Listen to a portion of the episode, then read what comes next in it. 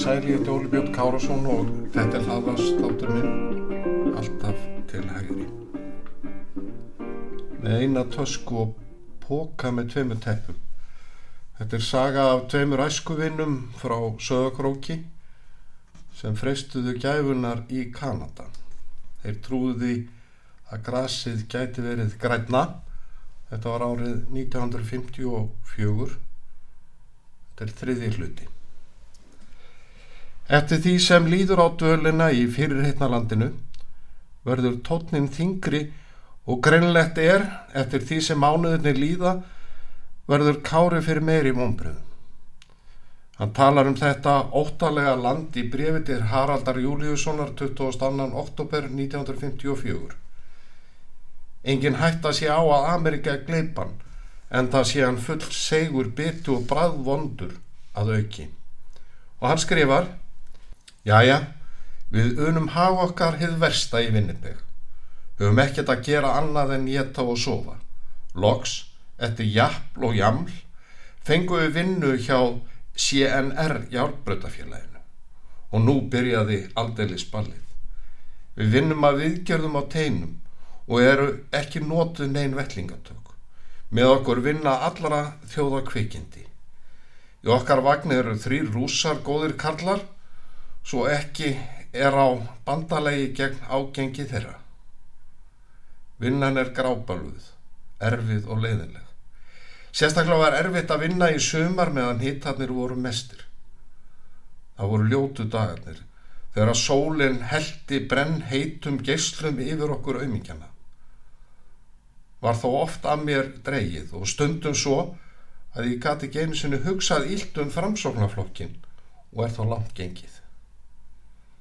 Ofan á allan þrældóminn leggs sá makalösi ósýður að geta aðeins þrísvar á dag klukkan 6 á mótnana, klukkan 12 og síðan klukkan 5. Kaffitími er aldrei tekin en unnið látlust millir máltíða.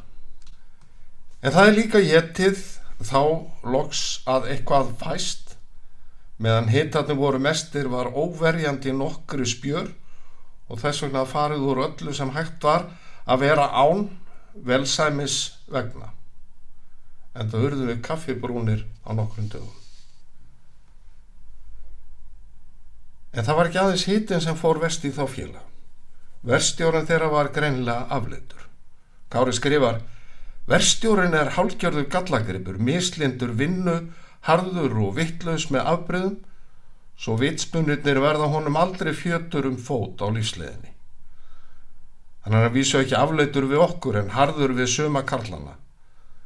Þannig hefur nú þessi tími liðið við stritt og starf eins og vera ber en þó full mikið. Við höfum flegst úr einum stað í annan, bæjur bæ og borg frá borg, hefur við varla tölu á þeim lengur. Það er aðal kosturinn við þessa vinnu að við sjáum okkur príðilega um. Annars væru ekki skítur gefandi fyrir hana. Það er greinlega þungt yfir kára. Hægt og bítandi samfariðast hann um að ekkert sé bjartara yfir Kanada en Íslandi. Hann lýsir vinnunum við járbröðirnar með allt öðrum hætti í brefun til Haraldara en til fóraldra sinna og sístur. Kanski málaða myndina í upphafi bjartari litum fyrir fóraldrana en efni stóðu til fyrst og síðast til að auka ekki á áhugjur þeirra.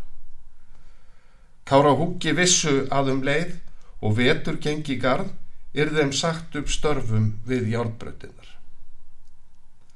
Hann skrifar hvað um okkur verður í vetur veit ég varla. Atun útlitt er slæmt, mjög slæmt.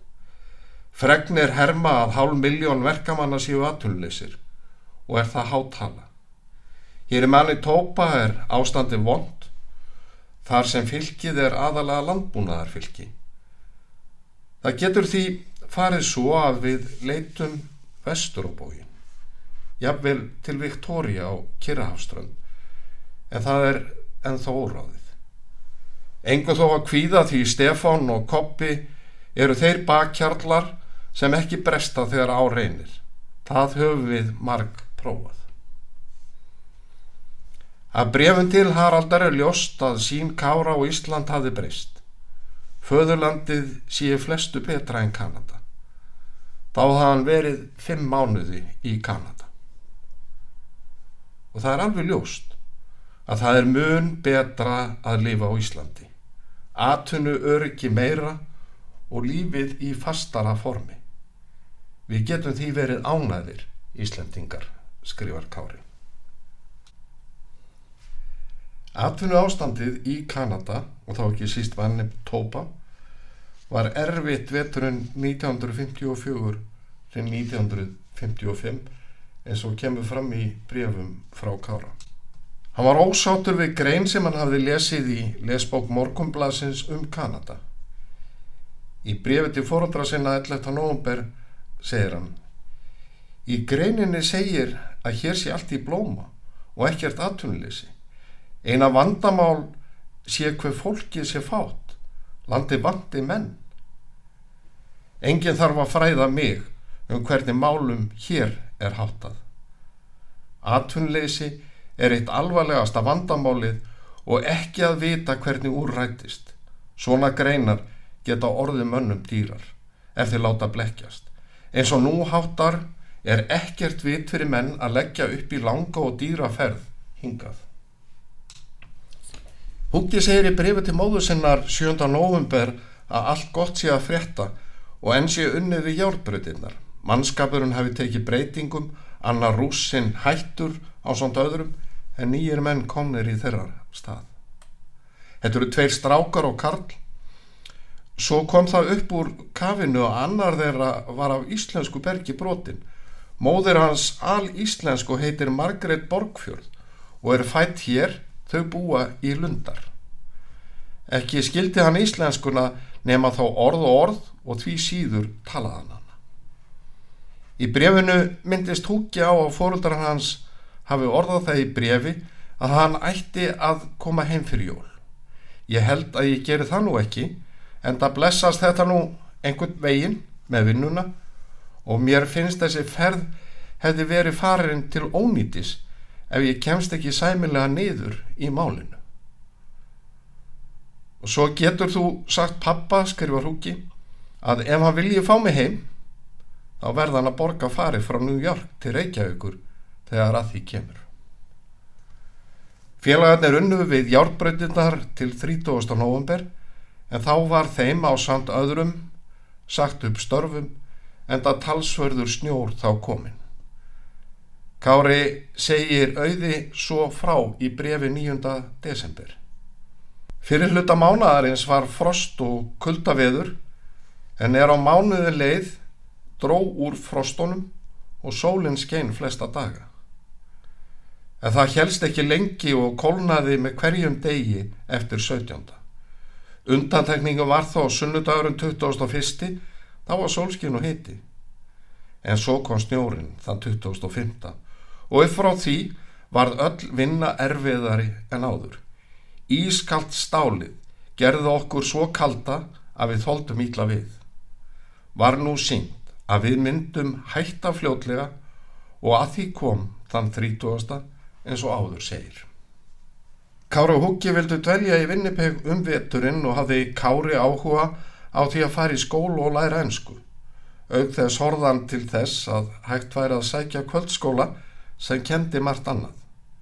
Þeir könnuðu einnig atvinnuhorfur á vestustrand Kanada. Kunningið þeirra Nikolás Jónsson smíður úr Hafnafyrði hafi verið þeim samferða frá Íslandi Vinnipeg og var hjá bróðu sínum við Viktoríu, höfuborg Bresku Kolumbíu. Í brefum heim til Íslands vitna þeir í Nikolás sem haldi því fram að í Viktoríu séu atvinnulífi blóma. Eitthvað var málum hins vegar blandið og tókst þeim félugum ekki að fá þarfinu. Líkt og oft áður og síðar kom koppi vinnunum til aðstóðar og voru þeir hjá honum uns þeir fundu herbyrgi til leigu hjá ennsku fólki sem við þekktum ekkert. og þeir verða sáttir við húsakostin. Herbergið er stórt og þrifalegt og í því er fataskápur með skuffum, komóða, með stórum spekli, skengir, með skápum og skuffum og svo auðvitað rúm, borð og stólar. Enn er þó ótalið ramagsplata og skápur fyrir mat. Við eldum okkur morgumat og kaffi hittum við þegar við viljum. Með þessum móti spörum við talsverða peninga og erum alferjálsir. Við fáum eina góða máltíð á veitingahúsi um miðjan daginn. Kári upplýsir sýstu sína um að það sé miklu þægilegra fyrir einhleipa menn að lifa í Kanada en á Íslandi. Öðveldar að ná í mat og þess áttar, flestar maturubúðir selja kjött og mjölk og brauð, mjölkin er seld í pappaumbúðum og eru þær mjög þægilegar.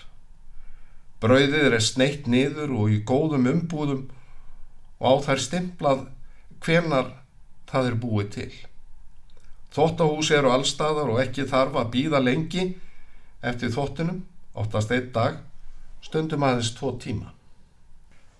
Vöru úrvalið í vestlunum vakti aðtikli ungu mannana frá söðakróki sem áttu því ekki að vennjast að búðir væru fullar af varningi, jafn nöysina vöru sem öðru. Vöru úrvalið er svo geysilegt að annað eins hef ég aldrei séð. End er fólkið hálf vittlust orði, skrifa Kári og bætir við að hann hefði óskað þess að geta sendt sýstur sinni eitthvað í jólagjöf en svo hugsun sé ekki sambóðinn fátakling. Ef hann fengi öruga vinnu væri kannski hægt að senda henni gladning. Það er helst að félagarni kvart yfir því að í Kanada sé ekki lagt jafn mikið upp úr tertum og heima á Íslandi.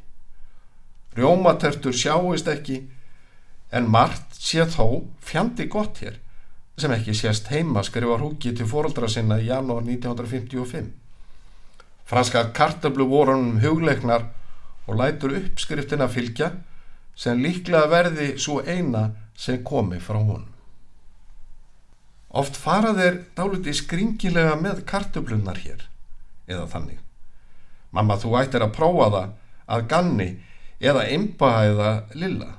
Það er þannig að þeir afhýða kartöflunar, ráar og skera niður í ferkantaða stöngla eins langa og kartöflan er löng.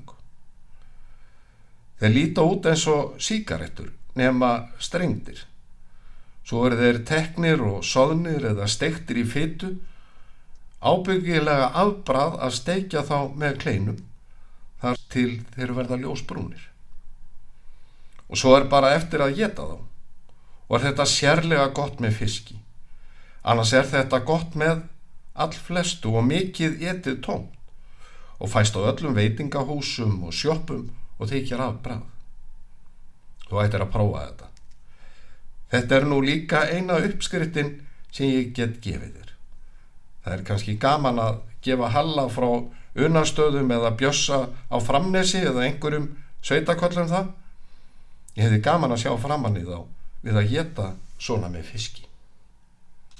Í brefi í februar ítrekkar húki að hann er erfitt með að sætta sig við tertuleysið og ekki fáið þér súpu eða graut en tvísar eða þrísar höfum við getið skýr úr botlum eins og desert. Það er allt. Næstu tvær vikundar unnu þeir félagar í mistörf. Döflegt var yfir jólunum en Kári og Huggi dvöldu hjá Koppa á aðfangadag og jóladag sem gerði tilveruna bærilegri en enga vinnu var að fá. Í janúar 1955 er Kári ekki bjarsinn og segir í brefi til Haraldar að um vinnu sé að það helst að segja að hún fæst ekki frekar en glóandi gull. Hann líkir ástandinu við Siglufjörð. Áður en ég fóru að heimann vissi ég vel að atvinnu ástand var talislemt.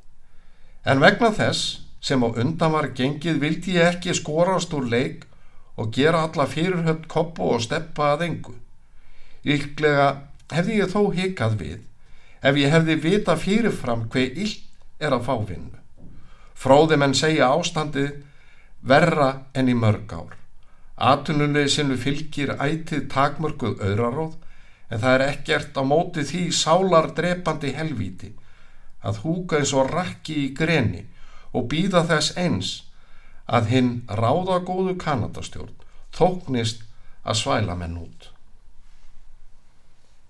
Kári tekur fram að þótt ekki hafi allt gengið eftir eins og vonaðist til þá ber hann ekki kala hvorki til landsins nýja fólksins þvert á móti þykjónum væntum hvoru tvekja. Dvölinn í Kanada hafa margan hátt verið ánæguleg og óglemanleg. Nú í fyrsta sinn hefur ég eiginlega reynd hvað lífið er, skrifar Kári. Heima lifði maður svo dæmalust vel að lífið var bara leikur. Það er líka gaman að kynnast framandi fólki og kanna ókunnuga stígu. Kári skrifar auði bref sem eru dagsett 18. janúar 1955 og segið fréttir á sér af skortnum skamti. Ekki hafi ornum tekist á fyrir vinnu og sé með öllu óvist hver lengi þetta siglufjörðar ástand helst. Líklega rætist ekkert úr fyrir með vorinu. Gleðifréttinnar væru þær ákveði verið að hækka atvinnleysistryggingar til munna. Tryggingar þessar eru eitt til besta fyrirtæki sem hér er reikið og er með öllu ómissandi eins og ástandið er núna. Hvers vegna ekki er búið að stoppsetja það heima veit ég ekki en áraðalega væri auðvelt að reka þær og skapa öllu atvinnlausi fólki trygg laun. Í brefi til foreldra sinna í byrjun februar gleðst húki einnig yfir því að atvinnleysi spætur sér að hækka. Svo við fáum núna 15 dali á viku eða 250 dólar á dag og fáum það borgað í nærri fullar 6 vikur frá mánuðamótum. Þetta sé búbót fram í miðjan mars en einni eigi þeir félagar inni 80 dali sem við borguðum í skatti sumar en fáum einhver tíman í vor endugreitt.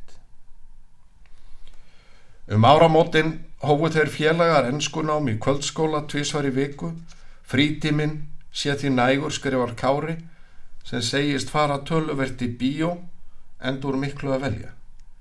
En dagarnir líða einn af öðrum. Ekki get ég sagt þér að mér leiðist, en þó er þetta sífælda atunleysi sálar dreipandi helvíti. Hóki segir í brefi til fóraldra sinna í janúar að það sé nú hálf skrítið að vera að fara í skóla með aðeins stílabók og blíjan og það ennskan skóla.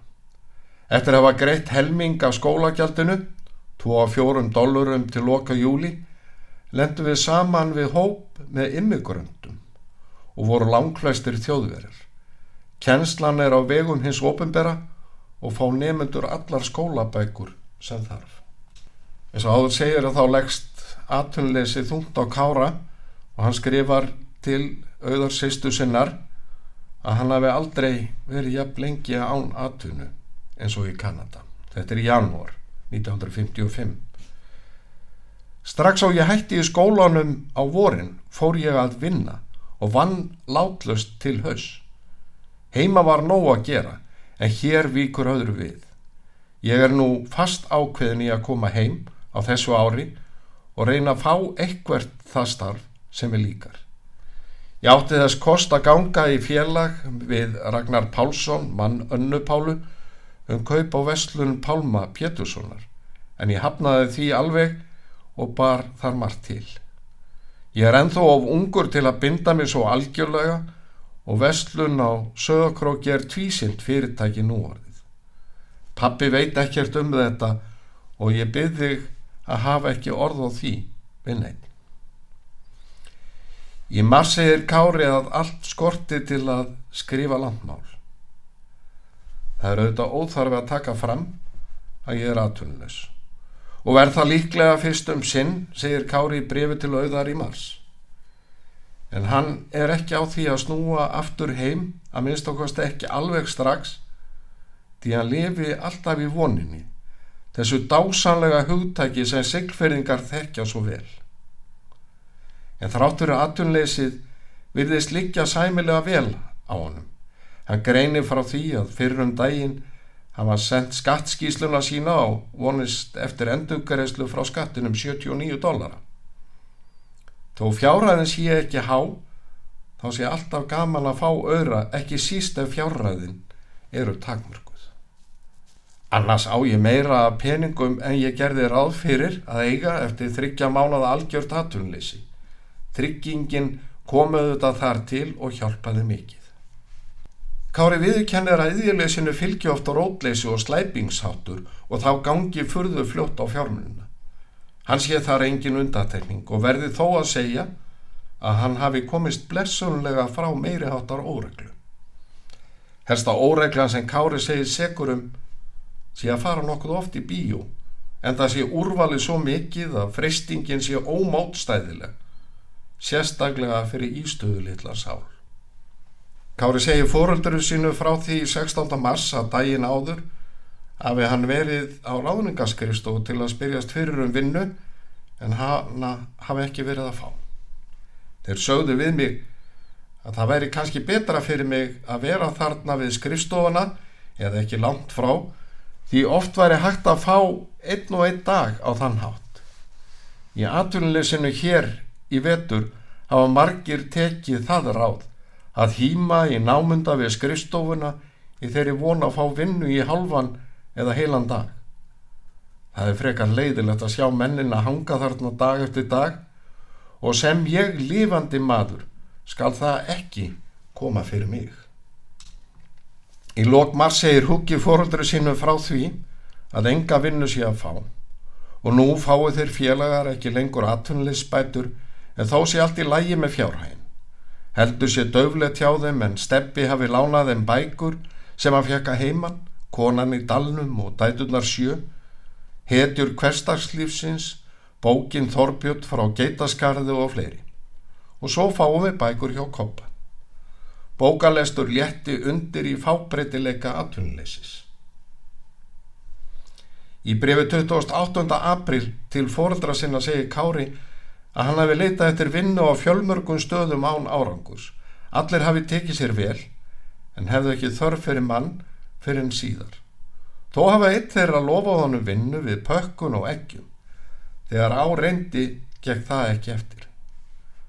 Kári segist vera ákveðin í að koma heim í júli en telurnaðu selett að vinna sér eitthvað inn áður en honum standi til bóða að koma aftur til vinnu hjá Haraldi Júlið sinni að það sé hins vegar erfitt að snúa heim á krók. Ég byrð ykkur, skrifa hann fóröldurinn sínum, fyrir að nefna það ekki við neitt hvenar ég kem eða ég fari til Haraldar aftur. Það kemur engum við. Í byrjun mæ 1955 fengu Káru og Haugur vinnu í versmiðu en þá höfðu þeir verið lengi aðtunleysir. Í brefi til fóröldara sinna 29. februar 1955 nefni Kári að hann og Haugur hafi hitt Eirik Helgason sem hafi komið vestur nýjára gamal. Fóröldarar hans séu úr blöndulíðinni, Haugur og Eirikur eru frendur. Hann Eirikur hefur margsinnis komið til okkar til að vita hvort við séum lifandi, eins og hann orðar það. Konan hans er dáinn og heldur hann því ekkert heimili en hann hefur marg oft bóðið okkur út að borða og þá ekki valið lélugustu veitingastæðina. Aug þess er hann alltaf að snappa eftir vinnuhand okkur og Kári bætir við brefið annan mæ. Erikur gamli kom klukkan 11 í morgun og fór með okkur til kunningasins sem hefur hönd í bakka með mannaráningar. Og hvað haldið? Hann útvöðu okkur vinnu og það strax. Þetta er hrein tilviljun. Haugur byrjar í kvöld klukkan 11 og vinnur á næturvægt en ég byrja klukkan 8 í fyrramáli. Þetta er versmiðu vinna en meira veit ég ekki. Kaupið er gott. 1,15 dólarar á tíman. Vegu þetta allt er ekki gamla að þakka.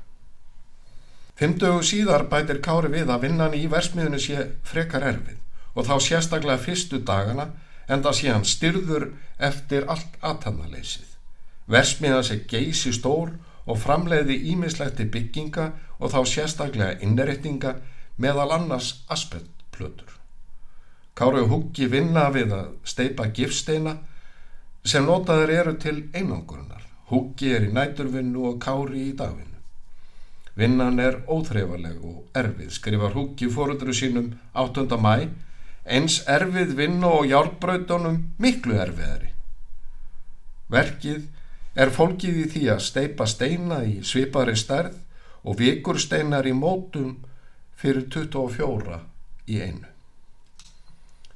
Húki segist hafa steift yfir 300 steina yfir nóttina og vonar að hann eigi ekki eftir að vinna lengi í versmiðinu og heimþráinn er farin að segja til sín.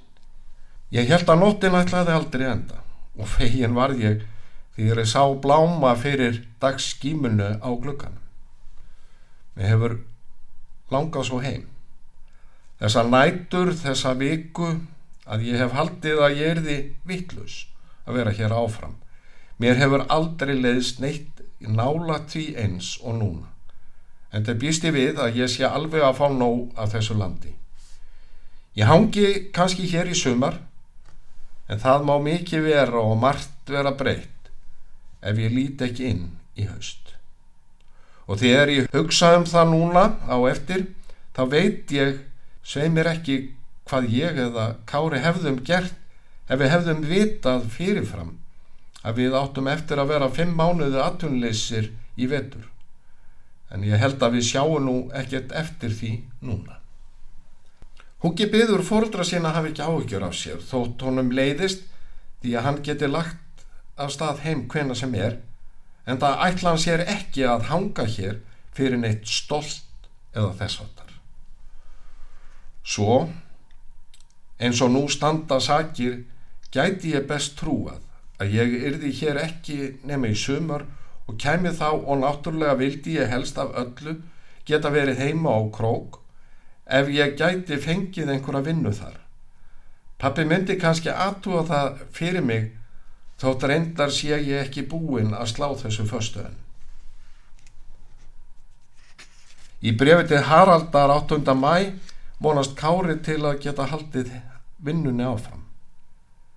Ég vildi gerna geta sapna nokkur um dollurum áður en ég held heim því að það er skemmtilegra að eiga ofurlítið í buddunni. En hér er allt dýrt og tekur sinn tíma. Og Kára leittist eh, líkt og húka vinnan í versmiðunni og í brefið til Haraldar 5. júni segist hann helst vilja losna úr vinnunni.